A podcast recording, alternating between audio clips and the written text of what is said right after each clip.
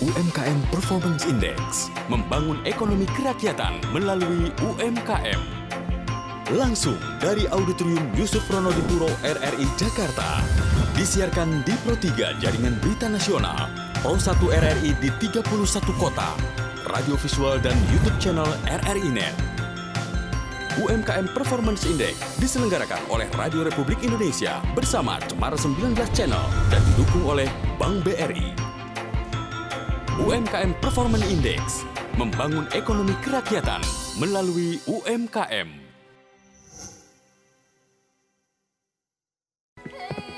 Ini langkah awal dari sebuah senyuman. Langkah yang dijalani bersama untuk satu tujuan. Berjalan tanpa getar, menjangkau hingga penjuru negeri. Kini dan nanti, BRI, Pegadaian, dan PNM terus melangkah. Bersatu membawakan perubahan di satu tempat. Perubahan yang mendekatkanmu dengan kami membukakan jalan bagi semua, dan membawakan kemudahan dalam satu genggaman. Inilah jawaban yang membuatmu tumbuh lebih besar dan memberi makna untuk semua bisa senyum.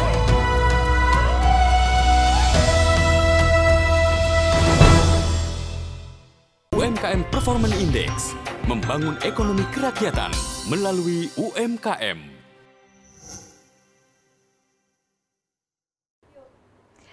Halo semuanya pendengar dan pemirsa di mana pun Anda berada, senang sekali saya, Syafinas Nasyar, saya yang akan memandu diskusi hari ini hingga usai nanti. Saya mau ucapkan selamat datang dalam rangkaian talk show tentang UMKM di Indonesia dengan tema utama UMKM Performance Index membangun ekonomi kerakyatan melalui UMKM. Acara ini tentunya bisa terlaksana karena adanya kerjasama antara RRI, Cemara 19 Channel dan tentunya juga Bank Rakyat Indonesia sebagai salah satu BUMN perbankan yang memiliki concern bagi kemajuan UMKM nasional. Nah, untuk membahas lebih lanjut terkait hal ini tentunya saya tidak akan sendirian. Bersama saya saat ini sudah hadir Bapak M. Rudi Salahuddin selaku Deputi Bidang Koordinasi Ekonomi Digital, Ketenagakerjaan dan UMKM Kementerian Bidang Perekonomian Republik Indonesia. Selamat siang Pak Rudi. Selamat siang, Siap. Baik, selanjutnya saya juga akan hadirkan Bapak Arya Bima selaku Wakil Ketua Komisi 6 DPR RI. Selamat sore Pak Arya. Selamat sore, Siap. Sehat Pak? Sehat terus. Sehat terus, Alhamdulillah. Selanjutnya juga akan hadir Bapak Sunarso selaku Direktur Utama PT Bank Rakyat Indonesia. Selamat sore Pak Narso. Selamat sore. Pada tahun 2014, jumlah pelaku usaha industri UMKM termasuk yang paling banyak di antara negara-negara lainnya. Bahkan di tahun 2015 sampai 2022, angka tersebut terus bertambah. Nah, seperti yang saya janjikan tadi di awal bahwa kita akan mendiskusikan terkait hal ini, namun jangan ke mana-mana, kita akan kembali usai jeda. UMKM Performance Index membangun ekonomi kerakyatan melalui UMKM.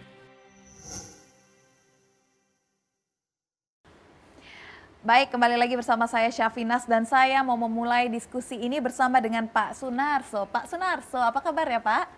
Alhamdulillah kabar saya baik. Baik. Dan sehat-sehat. Sehat. Pak, kita kan berbicara mengenai UMKM. Boleh diberikan gambaran sedikit Pak, seberapa penting sih peran dan kehadiran UMKM dalam pembangunan ekonomi nasional? Karena kalau kita berbicara secara PDB, ini berdasarkan data berkontribusi lebih dari 60 persen apakah peran itu sebegitu besarnya atau memang memiliki peran-peran lain yang mungkin belum banyak orang tahu, Pak?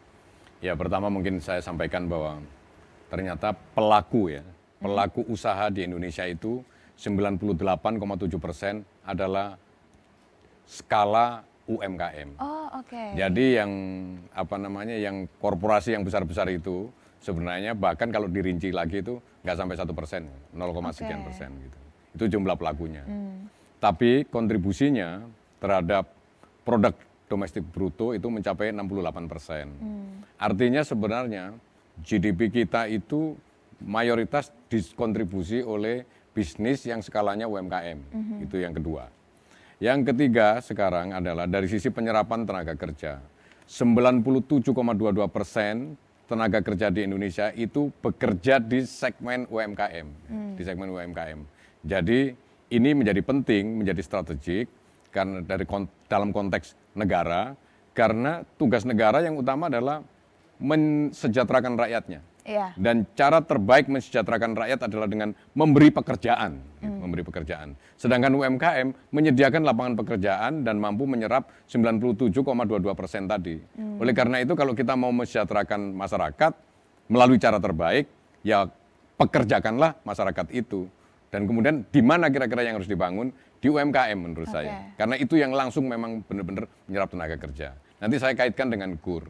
Kita sudah ada riset yang dilakukan oleh BRIN bahwa setiap satu nasabah KUR atau setiap kita memberikan kredit kepada nasabah KUR, maka nasabah KUR itu mampu mengerja, mempekerjakan rata-rata itu tiga orang. Gitu. Oke. Padahal gitu BRI itu setahun bisa memberikan KUR itu kepada 8 juta.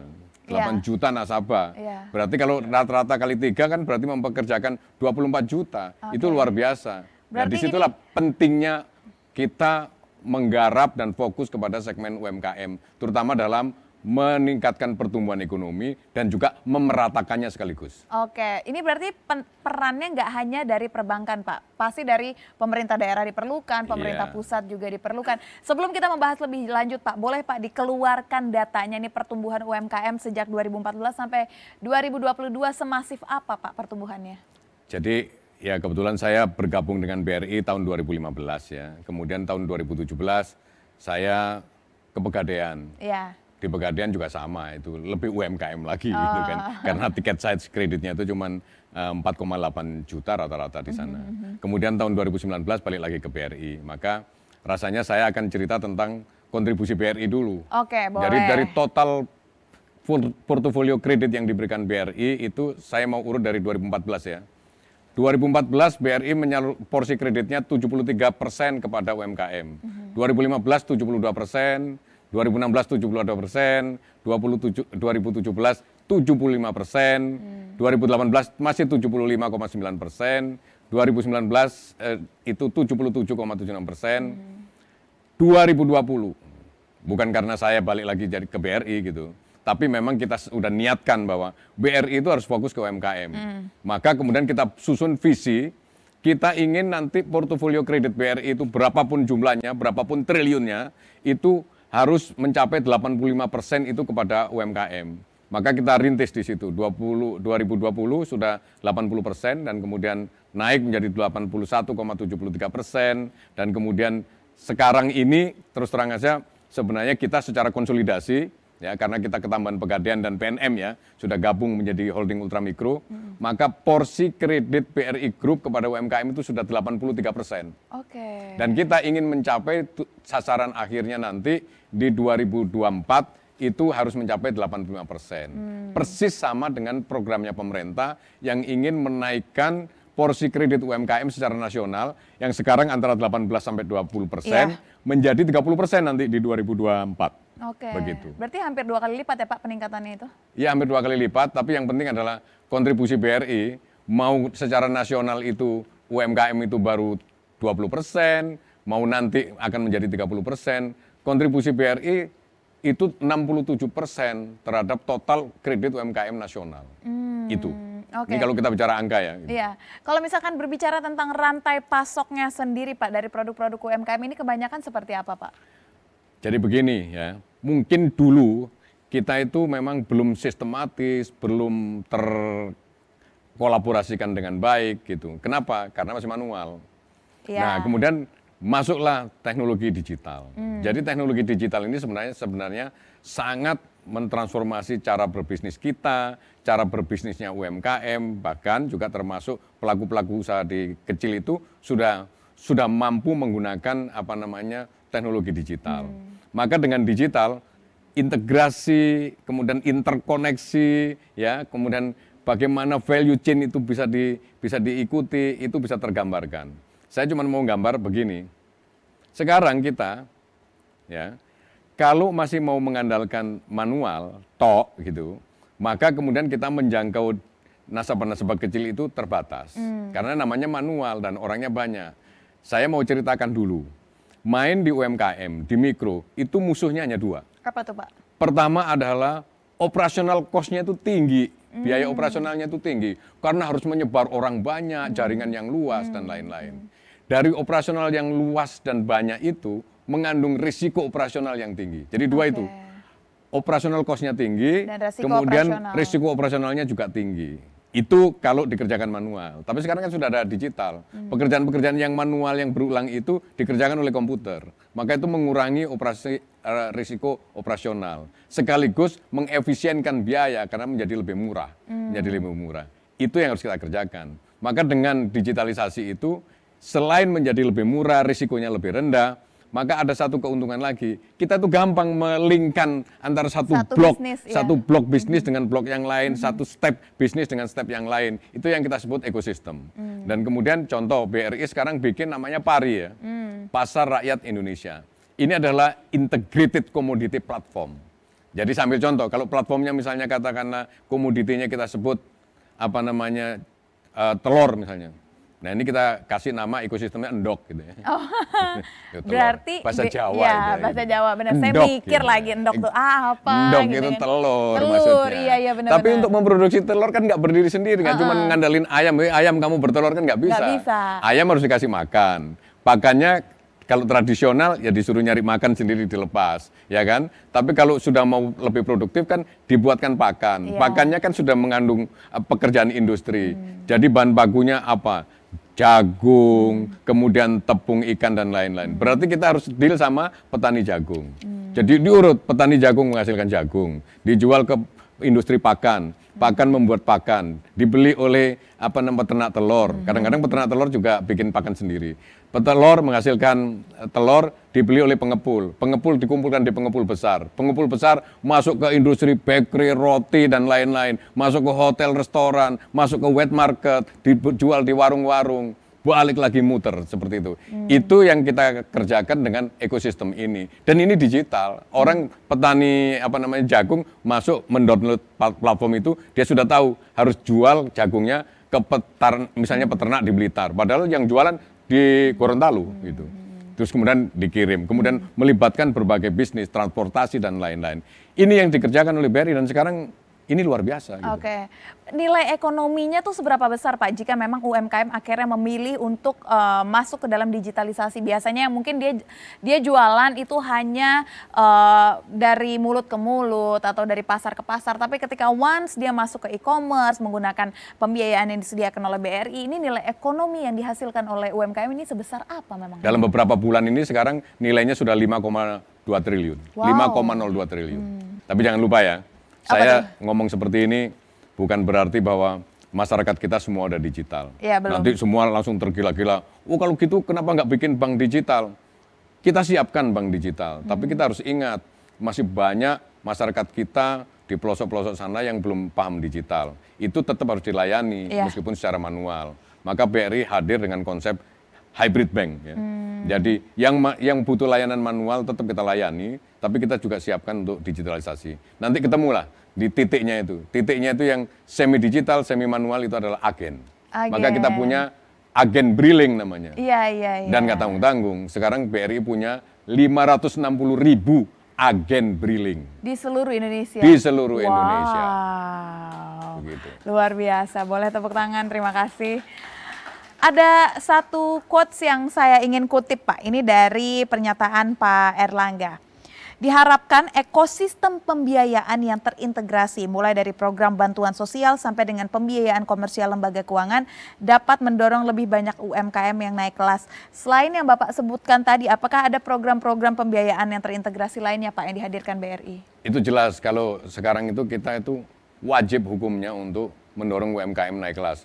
Karena ada yang curiga bahwa supaya BRI itu tetap jaya di UMKM maka UMKM-nya dikeloni aja supaya nggak naik kelas itu. Hmm, jangan dong. Ya, jangan dong. Iyalah. gitu. Maka saya tegaskan di sini, strategi pertumbuhan BRI hanya dua. Yang pertama adalah mengikuti nasabah yang ada di dalam BRI tapi dinaik kelaskan. Itu strategi pertumbuhan pertama. Strategi pertumbuhan kedua adalah BRI harus mampu menjangkau yang lebih kecil lagi. Kita sebut kita sebutnya go smaller.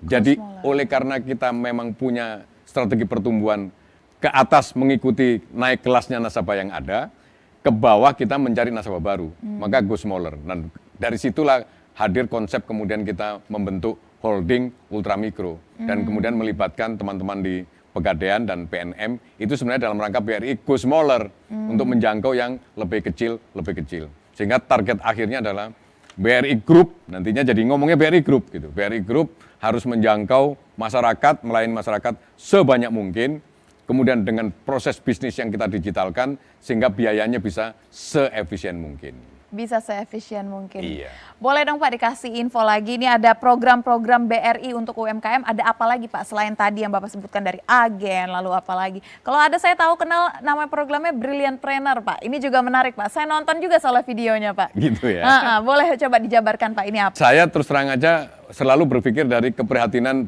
uh, besarnya dulu. Keprihatinan besarnya adalah begini. Negara selalu saja dihadapkan hal-hal yang tantangannya adalah pertama mungkin waktu itu adalah eh, apa namanya current account deficit. ya, Current account deficit. Yang kedua pasti ada tantangan untuk pertumbuhan ya. Nah pertumbuhan itu ternyata kita lihat tadi bahwa kontribusi terhadap GDP growth itu besar dari UMKM. Berarti sebenarnya kalau mau menumbuhkan ekonomi, memang grassroots ekonomi ini yang akan didorong gitu. Itu yang pertama. Nah sekarang bagaimana supaya sekaligus mengatasi isu-isu terkait sama current account deficit. Lah yuk mbok yao yang ekspor itu jangan yang gede-gede saja gitu. Yang kecil juga bisa ekspor. Sehingga kenapa tidak kalau UMKM kita dengan partai-partai kecil tapi mereka sudah punya link langsung kepada buyer di luar bisa jual. Maka kemudian kita bikin namanya Brilliant Planner UMKM ekspor gitu. Wah. Dan itu sebenarnya adalah media mempertemukan eh, produsen ya, penjual dan buyer dari luar negeri. Waktu itu 2019 belum pandemi. Kita coba pertama kali, kita pertemukan di JCC gitu, kita bikin acara di sana. Luar biasa gitu.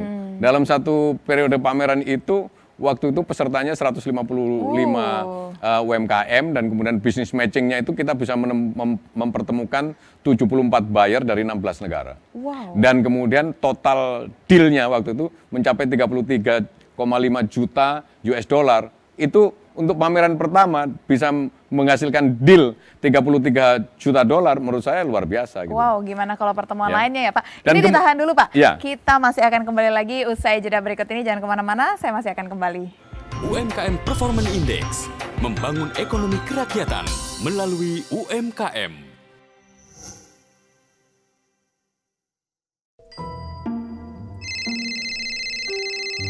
Halo, iya betul saya sendiri.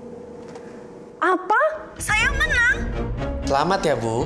Ya ampun. Duh, terus saya harus apa nih mas? Nggak percaya deh bisa menang. Ya ampun. Nanti ada SMS kode OTP-nya Bu. Nah, apa udah diterima? Sudah mas. Bisa tolong sebutkan Bu kode OTP-nya?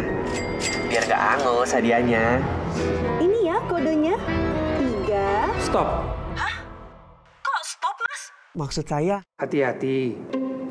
BRI tidak pernah meminta kode OTP, kode CVC, M-token, dan data pribadi lainnya. Kontak resmi BRI hanyalah sebagai berikut. Saatnya basmi penipuan untuk tetap aman bersama BRI. Oh gitu ya. Makasih ya mas. UMKM Performance Index membangun ekonomi kerakyatan melalui UMKM.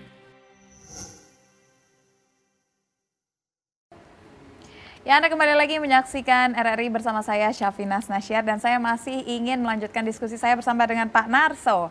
Pak Narso, ini jadinya program apa lagi yang dimiliki BRI untuk UMKM dalam periode 2014 sampai dengan 2022 di luar dari program yang tadi sudah kita perbincangkan, Pak? Oke ya. Kur generasi pertama itu sebenarnya bunganya 22 persen. Tidak ada subsidi dari negara, tapi diasuransikan premi asuransinya namanya IJB ya. Terus kemudian premi asuran premi asuransinya itu dibayari oleh negara, oleh pemerintah, oleh APBN. Itu berjalan dari 2007 sampai 2014. Kemudian 2014 disebutnya kur generasi kedua. Bunganya diturunkan gitu dari 22 ke 16 persen ya. Dari 16 persen itu disubsidi pemerintah 10 persen gitu, yang dibayar oleh eh, masyarakat hanya 6 persen. Sumber dana kur 100 persen adalah dana bank. Ya, itu saya ulangi lagi. Sumber dana kur 100 persen adalah dananya bank. Ya. Dan kemudian bunganya 16 persen disubsidi pemerintah 10 persen sehingga rakyat hanya membayar 6 persen. 6%. Dan dalam situasi pandemi, pemerintah menambah lagi subsidinya menjadi 13 persen. Maka selama pandemi, bunga kur itu hanya dibayar oleh 3%. masyarakat 3 persen saja. Nanti kalau sudah pulih mungkin ya dinaikkan lagi. Kira-kira itu kur ya, yang kur. Dan selama pandemi terutama menurut saya program terhadap UMKM ini yang banyak. Pertama apa? UMKM-nya kan kena musibah ya gitu. Maka program yang paling menurut saya penting dan itu difasilitasi oleh semua regulator, pemerintah dan lain-lain adalah bahwa kredit-kredit yang terdampak pandemi direstrukturisasi. Dan alhamdulillah sekarang juga sudah menurun jauh sekarang dari yang direstrukturisasi itu. Sekarang paling tinggal separuhnya lah yang direstrukturisasi itu. Itu. Ke mana yang selebihnya? Itu sudah banyak yang lunas, banyak yang benar-benar sudah sehat kembali seperti itu. Kemudian program yang lain yang terkait sama UMKM misalnya. Jadi pemerintah itu memberikan subsidi tadi saya katakan ya, subsidi. Kemudian pemerintah juga ada yang hanya disalurkan lewat bank tapi nggak masuk bukunya bank, namanya BPUM, Bantuan Produktif Usaha Mikro gitu. Itu juga kita salurkan. Yang waktu itu asalnya per penerima itu 2,4 juta.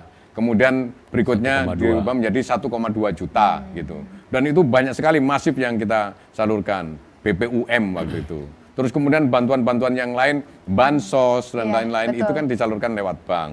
Dan kemudian juga pemerintah pernah apa namanya memberikan penjaminan juga ya, penjaminan. Jadi selain memberikan apa namanya subsidi bunga, pemerintah juga memberikan penjaminan. Dan kemudian yang lain-lain lagi apa? Untuk mendukung pertanian misalnya katakanlah. Penyaluran subsidi pupuk melalui kartu tani itu juga lewat bank gitu ya. Dan kemudian masih banyak lagi sekarang ada BSU namanya. Bantuan subsidi upah gitu yang Upah, harus iya. selesai untuk kompensasi dari kenaikan harga BBM ini. Iya. Seperti itu yang kita lakukan. Oke. Tapi kalau dirangkum sebenarnya strategi BRI terhadap UMKM ini selama pandemi terutama itu dua. Yang pertama adalah people first, fokus kepada keselamatan dari satu karyawan BRI. Yang kedua keselamatan nasabahnya. Iya. Dan kemudian apa namanya? Yang kedua masih dalam penyelamatan ini penyelamatan usahanya melalui restrukturisasi. Dan kemudian baru yang berikutnya bisnis. Bisnisnya harus tumbuh terutama di UMKM, follow stimulus, mengikuti berbagai stimulus yang Iya. diberikan oleh pemerintah. Pemerintah. Itu strategi. Oke. Sekarang ini kan artinya programnya banyak, Pak, yang Iya. dikeluarkan oleh BRI. Bagaimana terkait kesiapannya, Pak, dari BRI itu sendiri untuk mengimplementasikan program itu, baik program yang memang dicanang sendiri ataupun program-program yang akhirnya dihadirkan oleh pemerintah. Singkat saja, Pak, silahkan. Ya, jawabannya begini. Kalau ditanya kesiapannya untuk terus mengembangkan Siap. uh, UMKM, jawabannya sangat siap. Sangat siap. Baik yang programnya sendiri, yang komersial base, maupun yang stimulus base. Karena begini, stimulus itu bisa tepat sasaran dan efektif apabila empat hal dipenuhi. Yang pertama adalah ada dananya, berarti APBN. Yang kedua ada datanya, data siapa-siapa yang berhak untuk mem- menerima bantuan-bantuan ini, stimulus ini. Yang ketiga adalah ada sistem yang reliable dan kredibel untuk penyaluran. Dan yang keempat adalah ada orang yang mengkomunikasikan apa sebenarnya bantuan ini untuk apa, Iya. siapa yang berat, syarat-syaratnya seperti apa, administrasinya seperti apa itu. Dari empat syarat ini, BRI menyediakan tiga. Ya, kalau dana pasti minta kepada APBN Iya. yang punya APBN. Kalau dana, kalau data itu BRI punya, sistem kita siapkan, people kita punya apa pegawai-pegawai, petugas-petugas yang kita sebut mantri yang siap untuk mengkomunikasikan. Jadi kalau ditanya siap, empat syarat BRI bisa menyediakan tiga dari tiga syarat. Wow. Maka kita bilang sangat siap. Oke, boleh dong berikan tepuk tangan untuk Pak Sunarso yang hadir di sini. Terima kasih banyak Pak, padat dan jelas sekali. Kalau ini adalah dari angle perbankan. Nah, sekarang saya mau lempar lagi nih bola apinya ke bagian pemerintah. Pak Rudi, jadi gimana Pak? Gambaran besar kondisi UMKM saat ini, apalagi sekarang sering kali masyarakat menyebut sekarang kita sudah masuk ke pemulihan ekonomi yang sebenarnya belum pulih-pulih banget, tetapi Ya. juga tidak terpuruk-terpuruk Ya. seperti dulu juga ya Ya. Pak? Ya, jadi kalau kita melihat eh, selama pandemi ya, Saf ya. Jadi kalau kita melihat gambaran besar dari dari UMKM kita, seperti tadi yang sudah disampaikan oleh Pak Narso bahwa uh, 99% dari unit usaha yang ada di Indonesia itu adalah UMKM. Hmm. Dan uh, ternyata uh, kontribusinya terhadap PDB itu sudah mencapai 60% yeah. lebih. Hmm. Dan uh, penyerapan tenaga kerjanya hampir 97%. Hmm. Nah, ini yang yang menjadi uh, suatu uh, critical engine hmm. bagi perekonomian Indonesia uh, agar perekonomian kita ini maju gitu ya. hmm. ya. Nah, ini yang yang jadi kita hanya uh, bertopang uh, sangat uh, besar kepada UMKM kita. Nah, uh, selama pandemi uh, kita melihat bahwa uh, ternyata banyak sekali yang yang yang terpuruk. Namun begitu kita uh, melihat uh, saat ini kondisinya ternyata 84,8 persen dari UMKM yang uh, pada saat pandemi itu terpuruk ini sekarang sudah kembali beroperasi. Nah, ini yang uh, cukup uh, mem membuat uh, pemerintah juga melihat bahwa hmm. ternyata kebijakan-kebijakan yang dilakukan oleh pemerintah selama pandemi, uh, baik itu yang sifatnya bantuan sosial, insentif dan lain hmm. sebagainya, ternyata memang betul-betul efektif untuk mengembalikan fungsi UMKM ini sehingga mereka bisa beroperasi kembali. Oke, ini uh, mungkin pertanyaan yang uh, juga banyak jadi perdebatan ataupun mungkin pertanyaan masyarakat juga. Sebenarnya ketika UMKM diberikan uh, eh, BLT, ini apakah untuk meningkatkan daya beli si uh, pemilik UMKM itu atau memang untuk menggerakkan bisnisnya itu Pak sebenarnya tujuan awal? Ya, jadi uh, bermacam-macam. Jadi kalau kita lihat dari survei yang dilakukan oleh uh, UNDP sama LPMUI, Uh, jadi uh, kondisi UMKM pada saat di tengah pandemi ini ada 48 persen UMKM yang mengalami masalah di uh, pendap mendapatkan bahan baku. Hmm. Lalu ada 77 persen yang mengalami penurunan pendapatan. Hmm. Ada 88 persen UMKM yang menur, uh, penurunan permintaan produk. Lalu ada 84,6 persen UMKM yang mengalami kesulitan dalam pendistribusian produk. Hmm lalu ada 97 persen yang uh, mengalami penurunan nilai aset dan ada 56 persen UMKM yang mengurang, uh, mengurangi tenaga kerja atau karyawannya. Nah, jadi ini bermacam-macam alasannya sehingga mereka banyak yang uh, berhenti beroperasi akibat dari permasalahan-permasalahan uh, tersebut. Tetapi pemerintah uh, waktu itu dengan cepat uh, saya masih ingat sekali bahwa di awal tahun 2020 itu Bapak Presiden meminta agar kita uh, langsung memikirkan insentif apa yang uh, bisa kita berikan kepada uh, UMKM sehingga pada saat itu kita uh, memformulasikan beberapa skema uh, uh, bantuan kepada UMKM yang ternyata 84,8 persen tadi uh, saat ini sudah kembali beroperasi. Hmm, Oke, okay. nah sekarang kan sebentar lagi juga BLT untuk uh, UMKM, ojol juga akan dicairkan itu ya Pak ya. Iya. Nah ini proses uh, pencairannya dan akan seperti apa, kapan akan dicairkannya dan itu dia tadi Pak, seberapa besar apa uh, dan seberapa efektif seperti yang tadi Bapak sampaikan BLT ini sebenarnya? Ya kalau kita melihat dari dari uh, historicalnya uh, ini cukup efektif gitu ya. Jadi kalau kita melihat di di apa di pandemi kemarin ini bahwa UMKM yang kita berikan uh, uh, bantuan dan insentif ini ternyata cukup mampu mengembalikan uh, uh, apa kredit-kreditnya kepada uh, uh, perbankan. Atau bahkan kalau itu bantuan mereka sangat terbantu gitu ya. Nah ini yang uh, kita mau dorong juga seperti yang tadi disampaikan oleh Pak Narso hmm. bahwa ada bantuan subsidi upah yang akan kita gelontorkan. Lalu uh, kartu prakerja kita masih um, dorong juga untuk uh, sebagai uh, apa instrumen semi bansos gitu ya. Hmm. Jadi kartu prakerja itu karena banyak yang miskin baru gitu ya. Kemarin UMKM ini iya karena sebutan baru juga nih saya Betul. Jadi pada saat uh, kita mengalami pandemi ternyata data DTKS kita hanya 40 40 persen terbawah yang ter, yang ada di dalam data hmm. DTKS. Sedangkan banyak sekali waktu itu orang yang miskin baru akibat mereka ternyata kehilangan pekerjaan, oh, mereka okay. yang uh, eh, UMKM yang tidak tidak sanggup lagi untuk uh, beroperasi dan lain sebagainya. Oleh sebab itu kita cover itu dengan waktu itu uh, melalui program kartu prakerja. Dan ini cukup efektif karena sampai saat ini program kartu prakerja itu uh, insentifnya yang paling besar dibanding dengan insentif-insentif dari bantuan sosial yang lain. Uh, saat ini sampai dengan saat ini kita memberikan 2,4 juta uh, apa rupiah kepada uh, penerima uh, program kartu prakerja ditambah satu juta rupiah untuk uh, apa biaya pelatihannya. Gitu. Hmm, Oke, lantas ke depannya Pak ada program pemerintah dan perbankan apalagi Pak yang akan digelontorkan untuk UMKM ini? Uh, masih banyak program-program yang akan di, diberikan oleh pemerintah. Salah satunya adalah uh, di uh, program PEN untuk dukungan UMKM. Lalu juga ada KUR yang akan uh, 2023 uh, uh, nanti akan uh, ditambahkan menjadi 420 triliun lalu ada bantuan untuk Mekar dan Umi, lalu juga ada Bangga Buatan Indonesia ini yang akan mendorong uh, UMKM kita untuk masuk ke dalam ekosistem digital hmm. gitu. Jadi Bapak Presiden meminta agar ada 30 juta uh, UMKM yang bisa go digital uh, di tahun 2024 mendatang gitu. Nah, hmm. Nah, ini yang kita sedang dorong uh, tapi end game-nya adalah bukan hanya mereka masuk ke dalam platform digital, tetapi bagaimana mereka bisa menjadi pemain global gitu atau go global seperti yang tadi disampaikan Pak eh, Sunarso bahwa harus kita dorong eh, mereka-mereka uh, ini supaya mereka bisa menjadi pemain uh, global, bisa berorientasi kepada ekspor sehingga ini yang harus kita uh, dorong melalui sistem cluster atau sentra-sentra. Hmm. Ke depannya Pak, jika dari hemat Bapak, apa yang akan menjadi tantangan para UMKM dan apalagi yang bisa dilakukan oleh pemerintah?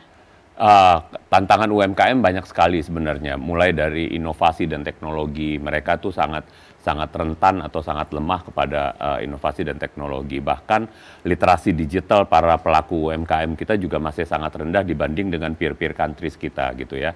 Ini menjadi tantangan kita sehingga ini yang harus kita kita uh, dorong bersama. Lalu yang kedua pembiayaan. Mm-hmm. Walaupun uh, saat ini sudah banyak sekali uh, fasilitas yang dilakukan oleh uh, diberikan oleh pemerintah, misalnya dari KUR, dari UMI dan lain mm-hmm. sebagainya, tetapi uh, pembiayaan-pembiayaan lain yang mereka harus secara instan dan mereka tidak mempunyai uh, uh, jaminan apa apa pun yang untuk di, di, dijaminkan, mereka akhirnya terjebak ke pinjol yeah. gitu. Nah ini yang yang akhirnya harus kita edukasi supaya literasi mereka terhadap uh, keuangan juga uh, bisa uh, uh, baik, baik gitu ya. ya. Lalu uh, produktivitas dari SDM uh, kita tahu bahwa uh, di UMKM uh, produktivitasnya sangat-sangat uh, rendah gitu dibanding dengan uh, di industri-industri yang sudah mulai menengah dan maju. Nah, itu yang harus menjadi PR kita juga. Legalitas juga masih gitu. Kita masih terkendala dengan uh, legalitas uh, dari para pelaku kita. Banyak sekali yang mereka enggan uh, apa mengurus legalitas karena mereka takut dipajaki gitu. Nah, ini yang yang harus kita edukasi uh, dengan baik. Lalu yang uh, selanjutnya adalah branding dan pemasaran. Ini juga menjadi tantangan UMKM ke depan. Uh, dari branding dan pemasaran kita yang kurang baik sehingga akhirnya mereka pada saat dikurasi mereka tidak lolos gitu ya sedangkan uh, apa kita ingin mendorong mereka main ke go global seperti contohnya pada saat uh, online single day tahun 2018 pada saat itu kita Pak Bapak Presiden kan meminta agar kita menjual lima produk kita di online single day Alibaba ternyata dari lima, lima produk kita yang masuk itu adalah industri-industri lagi hmm. gitu loh. UMKM kita karena sizingnya tidak mencukupi tidak bisa untuk masuk ke, uh, hmm. kepada ke apa online single day tersebut. Lalu standarisasi dan sertifikasi. Nah, kita juga standarisasi juga sangat lemah.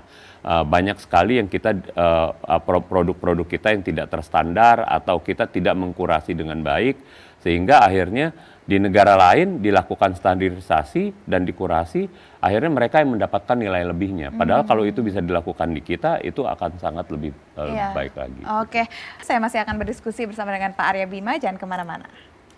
UMKM Performance Index membangun ekonomi kerakyatan melalui UMKM.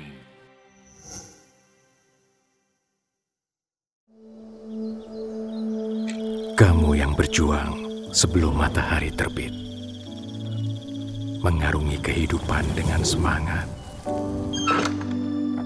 yang menggerakkan hati.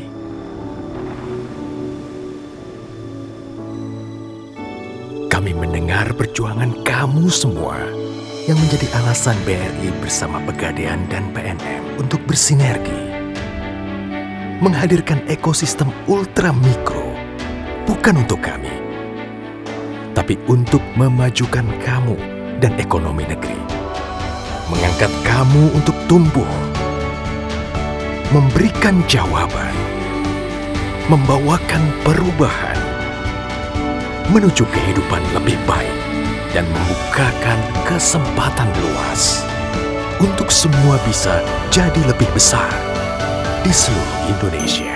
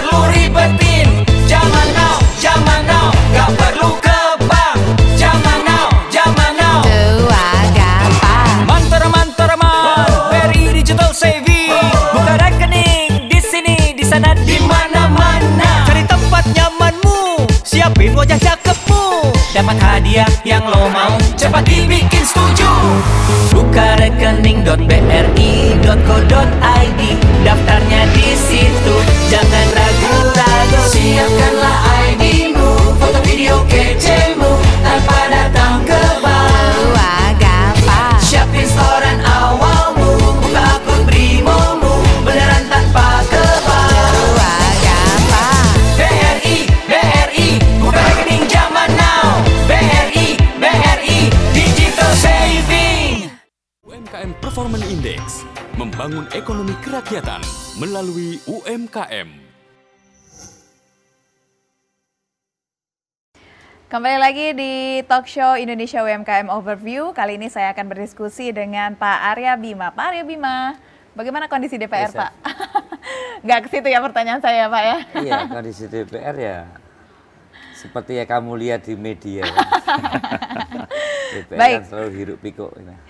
Tadi kita sudah berdiskusi banyak Pak dengan Pak Narso, dengan Pak Rudi. Nah Bapak nih sebagai em, yang memantau apakah program-program ini baik dari pemerintah ataupun perbankan betul-betul membawa dampak untuk UMKM Pak. Bagaimana Bapak melihat kondisi realnya di lapangan Pak? Ya Chef, tadi saya dengar Pak Sunarso sama Pak Rudi, saya mundur lagi ke belakang nih, Hmm. ya. Flashback ya Pak? Flashback kira apa yang waktu itu situasi yang tiba-tiba terjadi Hmm. pandemi dan kita tidak siap terus terang aja Hmm. dari berbagai aspek, Hmm. tapi kita harus atasi. ya. Hmm. berbagai skenario kita siapkan. Skenario satu ini kalau bulan Juni selesai. Hmm. Skenario dua Iya, iya. kalau mungkin November. Iya. Skenario tiga sampai Desember. Eh tahunnya Berlanjut lama. seterus. Tahunan. Iya. Ya, jadi kebijakan mungkin ada yang mengkritik tidak pasti, kok berubah-ubah. Karena memang skenario-nya berubah-ubah Iya. gitu loh. Termasuk apa yang harus dilaksanakan oleh regulator pemerintah, legislator dan operatornya di UMKM adalah BRI. Jadi bayangkan eh, APBN di tahun 2020 yang waktu itu ada tiga ya, kita ngatasi virusnya, kita menghalau penularannya supaya tidak masif karena setiap hari dihitung jumlah yang kena dan setiap hari dihitung jumlah yang mati kan gitu kan. Pada saat menghalau penularan dampaknya adalah faktor ekonomi atau distribusi atau mobilisasi. Kemudian yang terakhir selain menghalau penularan adalah dampak daripada dua-duanya ini terhadap sektor ekonomi termasuk dalamnya UKM. Nah, waktu itu eh, politik anggaran di APBN eh, kita bernavigasi karena yang tahu di lapangan adalah pemerintah, maka kita siapkan size, size uang Hmm. negara itu harus seperti apa. Awalnya waktu itu APBN 2020 kita hanya kasih target untuk defisit APBN hanya 1, sekitar 76 Iya. ya. Faktanya kan 83. meledak ya. Faktanya kan eh, defisit APBN sampai mencapai hampir kurang lebih sekitar 6 persen lebih. 16. 16 ya. Mencapai eh, eh, 16. Iya. Jadi terlihat sekali bahwa situasi keuangan memang harus kita alokasikan seperti apa. Ini yang yang yang yang begitu eh, nampak di dalam pengalokasiannya di mana kita ingin eh, antara eh, pembuat kebijakan legislator dan operator itu terjadi eh, eh, sinergi ya, untuk bagaimana menahan dampak Covid waktu itu eh, untuk lebih relatif eh, bisa tidak terlalu parah tidak terlalu parah dalam artian kita tidak terlalu terjadi goncangan ekonomi yang luar biasa dalam hal ini adalah pertumbuhan ekonomi yang pernah sampai minus tiga pak ya Iya. minus tiga kita Iya. pernah sampai Iya. minus tiga Iya. terus kembali lagi ke ke nol ke tiga kemudian ke normal nah di situlah kita akan melihat seberapa jauh tadi dikatakan eh, oleh Pak Rudi dan Pak Narso bahwa kekuatan penyangga kita kekuatan penyangga kita di dalam di dalam eh, per- eh, produk domestik bruto kita Bruto. itu adalah lebih pada kekuatan pelaku UMKM di mana PDB kita eh, pelaku UMKM adalah berkontribusi sekitar 60 60%. 60% lebih. 60 persen lebih Yep. Dan penyangga untuk lapangan kerja hampir 99 90% persen lebih. Nah, di situlah kemudian eh, lebih pada politik fiskal ya, desentralisasi fiskal. Bagaimana duit ini segera kita gelontorkan ke bawah sehingga di bawah itu ada putaran. Eh, Banyak hal-hal yang dilakukan oleh eh, pemerintah, kita setuju DPR, navigasi kita beli otoritas lebih antara Menteri Keuangan, OJK dan BI Pak ya. Iya. Untuk bernavigasi eh, melakukan berbagai program untuk menyelamatkan Pemulihan ekonomi. nasional terutama pelaku usaha kecil menengah mikro. Bahkan tadi Pak Narso ngomong di bawah mikro yang burem Super mikro. kecil-kecil itu Yang ultra mikro ya kan? Ultra mikro. Ultra mikro. karena eh, eh, eh, itu menjadi sesuatu yang eh, penting untuk dilakukan dalam situasi nih uncertainty ya. Dalam situasi yang serba tidak menentu Yep. ini yang saya kira eh, eh, eh, sinergi ini menghasilkan eh, satu hal yang akhirnya eh, terjadi sesuatu apa ya si- situasi yang nampak jauh lebih baik. Kita menjadi negara yang relatif di dalam mengatasi virusnya teratasi, penularannya teratasi dan dampak Ekonominya ekonominya teratasi juga, juga. teratasi. Ini tidak bisa tidak sesuatu yang kita syukuri. Jadi kalau ada sesuatu yang sekarang ini kurang-kurang dikit, kalau kita persandingkan di antara negara ASEAN, negara-negara Asia Tenggara, negara-negara Asia, kita relatif Lebih baik. lebih baik, lebih Mhm. baik. Terutama para, para pelaku usaha kecil menengah mikro. Nah ini kenapa? Ini yang saya kira eh, merupakan satu yang perlu kita sampaikan ke publik karena memang ada ada ada apa ya kolaborasi, ada saling pengertian, ada sesuatu yang memang eh, tidak berpikir secara konservatif di dalam menentukan kebijakan-kebijakan termasuk dari DPR yang memberikan dukungan penuh kepada eh, pemerintah. Saya Iya. itu. Lantas Bapak bagaimana Bapak melihat program yang diberikan oleh perbankan, oleh pemerintah ini dari pandangan Bapak ini program-program yang ada ini apakah sudah cukup atau ada yang perlu direvisi lagi Pak ke depannya untuk perbaikan UMKM ini atau seperti apa Pak kalau dari perspektif Bapak? Saya melihat bahwa waktu proses COVID, begitu kita kena COVID, pemerintah telah menyiapkan beberapa skema besar dan program perlindungan dan pemulihan ekonomi ba- bagi UMKM. Ini saya melihat bahwa eh, eh, pengalokasian eh, anggaran lebih dari 160 triliun untuk membantu UMKM. ya.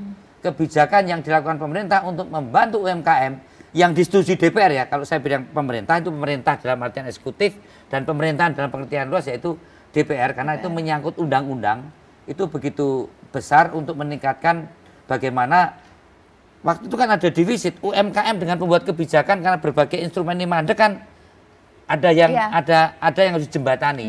Di situlah eh, DPR bersama perintah sangat antisipatif bagaimana pembiayaan UMKM terutama hal yang terkait dengan pemberlakuan pembatasan kegiatan masyarakat waktu itu berlaku PPKM ya. bagaimana kebijakan bantuan usaha mikro subsidi bunga penempatan dana pemerintah untuk lembaga pengelolaan dana bergulir LPDP ke koperasi juga berbagai insentif itu tetap kita lakukan ya. Iya, tetap iya. kita lakukan dalam situasi tidak normal. Nah inilah yang saya pikir eh, eh, eh, satu yang luar biasa dan Hmm. akhirnya kita lolos dari dari situasi yang sangat krisis. Iya. Walaupun bukan berarti kita sekarang eh, apa ya percaya diri yang berlebihan. Iya. Ada sesuatu yang masih ada predictable.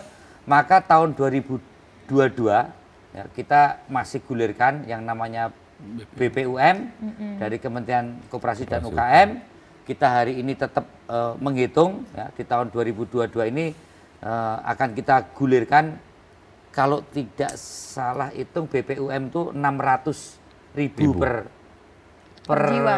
pelaku Satu. UMKM Iya. yang belum terfasilitasi Hmm. ya terfasilitasi baik itu eh, apa eh, Bansos yang KOR juga Bansos. belum terfasilitasi Bansos. oleh eh, apa eh, lembaga lembaga keuangan lainnya ini Iya, oke. Nah, itu yang saya kira eh, kita masih terus hari ini Oke. sampai tahun anggaran 2023 nanti kita masih ingin tindak lanjuti berbagai perkembangan yang terus eh, eh, eh, tidak bisa eh, kemudian kita berhenti. Kita ingin bahwa untuk yang terkait dengan keputusan-keputusan eh, mengenai masalah masalah keuangan yang terkait dengan APBN tetap harus eh, kita percepat apa penyerapan yang baik. yang yang lebih memberikan dampak terhadap berbagai aktivitas Iya. ekonomi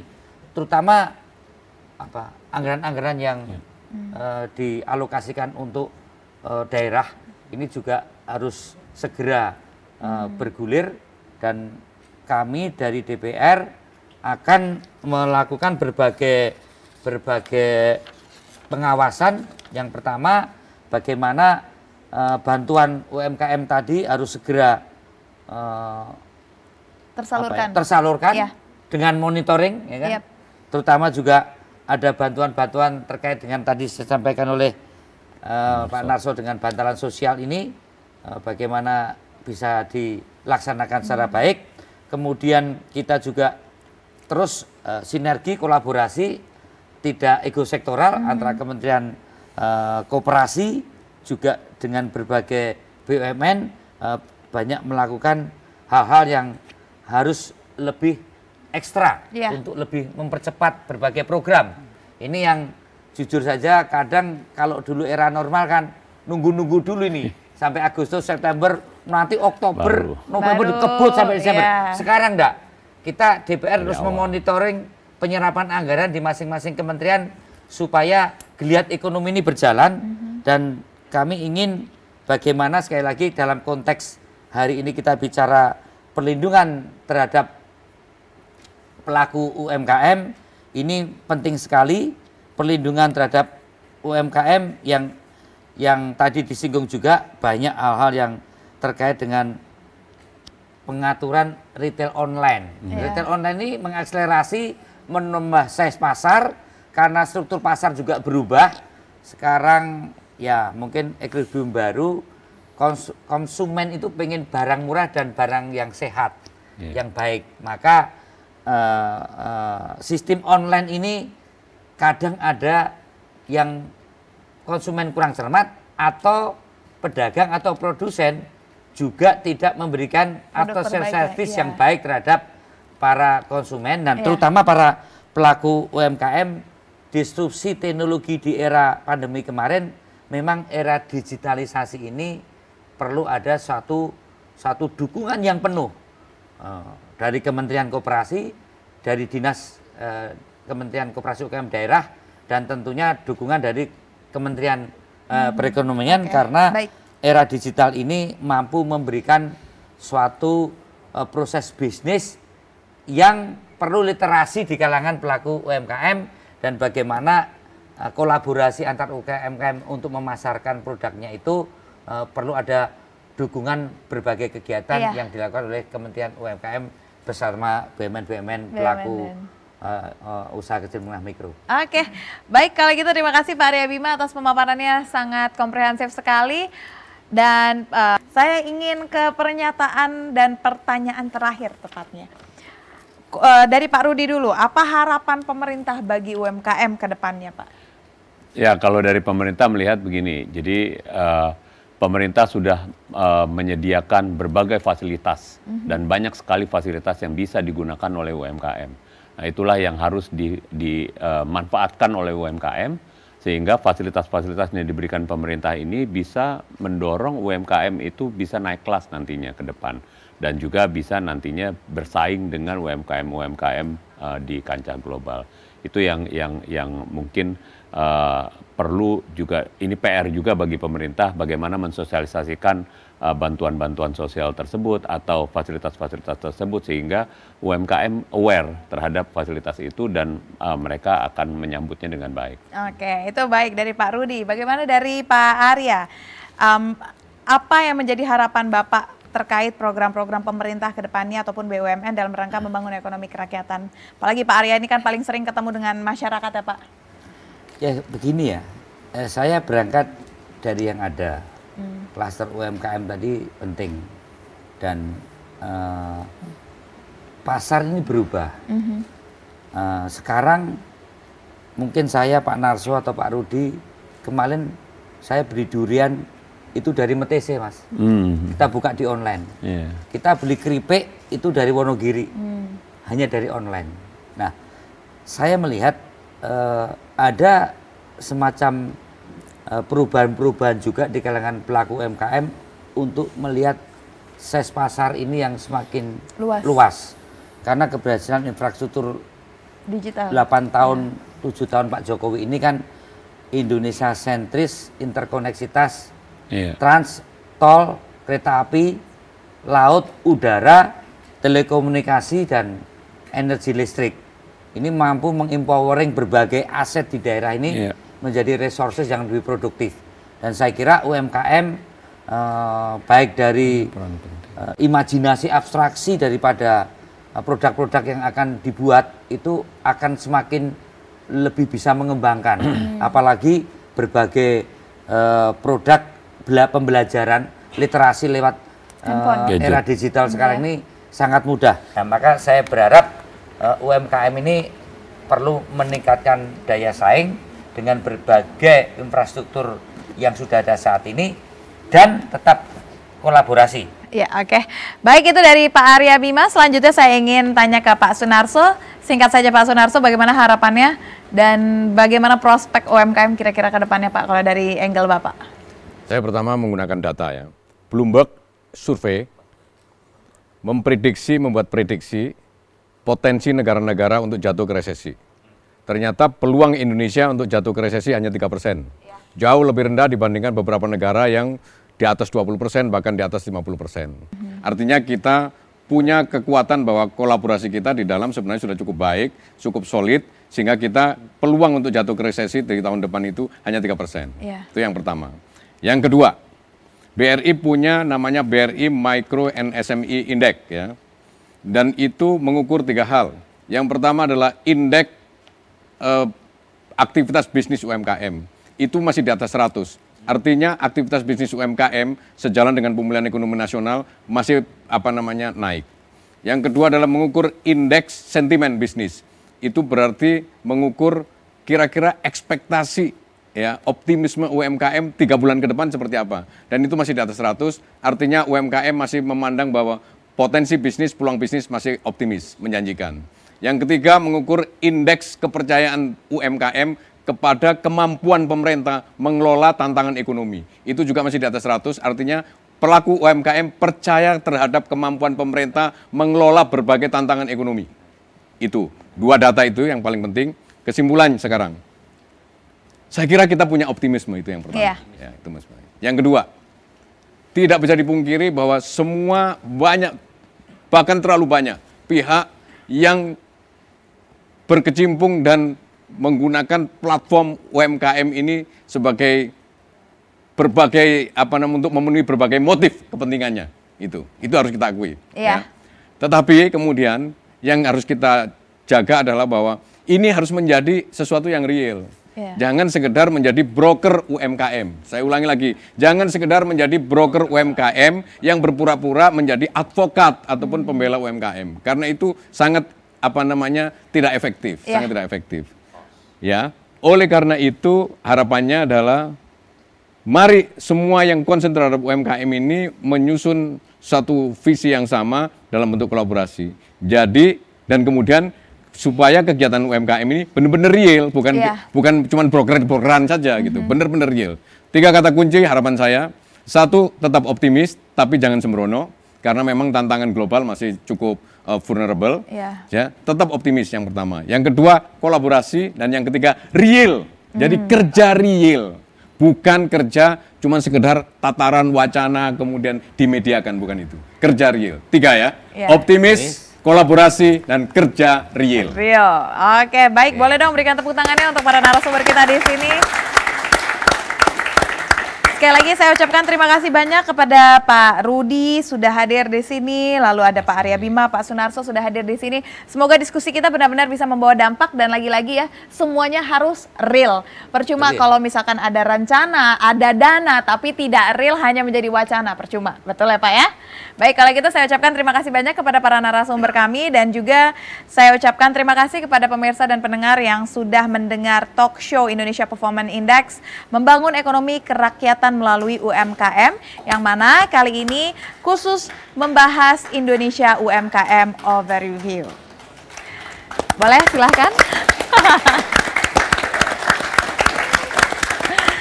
Ya, semoga kita semua, khususnya para UMKM, para pelaku UMKM di mana pun eh, pemirsa pendengar ada, bisa mendapatkan wawasan dan informasi dan intinya adalah informasi dari kita bisa diterapkan juga di kehidupan sehari-hari. Dan sekali lagi saya informasikan juga bahwa program ini terselenggara berkat kerjasama RRI dan juga Cemara 19 Channel dan tentunya juga Bank Rakyat Indonesia bersama kita membangun ekonomi kerakyatan Indonesia melalui UMKM. Saya Syafina Nasyar pamit undur diri, kita ketemu lagi di talk show selanjutnya. Wabillahi taufiq wal hidayah. Wassalamualaikum warahmatullahi wabarakatuh. Sampai. Waalaikumsalam warahmatullahi wabarakatuh.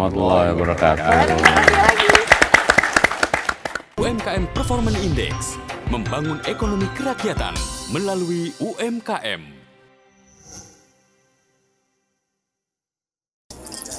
Instagramnya Andrew. Jalan-jalan mulu, bapaknya kan orang kaya. Pantes. Lah kita cuma bisa nongkrong di kafe. Tapi dengar-dengar yang punya kafe ini tuh masih sumuran kita. Katanya sih anak biasa aja. Pasti anak orang kaya cuy. Enggak kok mas, ini semua modal sendiri. Kok bisa? Kan curi start. Curi start. Pakai tabungan BRI si muda. Mulai aja dulu, nabung sedikit-sedikit tiap bulan. Kan hasilnya bisa dipakai buat investasi. Investasi? Emangnya lu udah investasi apa? Saya kan investasi buat ini. Misi kak, ini laporan keuangan bulan ini sama bulan kemarin. Nah terus yang alokasi buat reksadananya udah disiapin belum? Udah disiapin semua. Itu email aja deh. Jadi lu yang curi start? Tadi gimana? Tabungan BRI si muda. Kita bisa nabung buat investasi dari muda. Dapat asuransi jiwa sama asuransi kecelakaan diri lagi. Ayo curi start dari sekarang.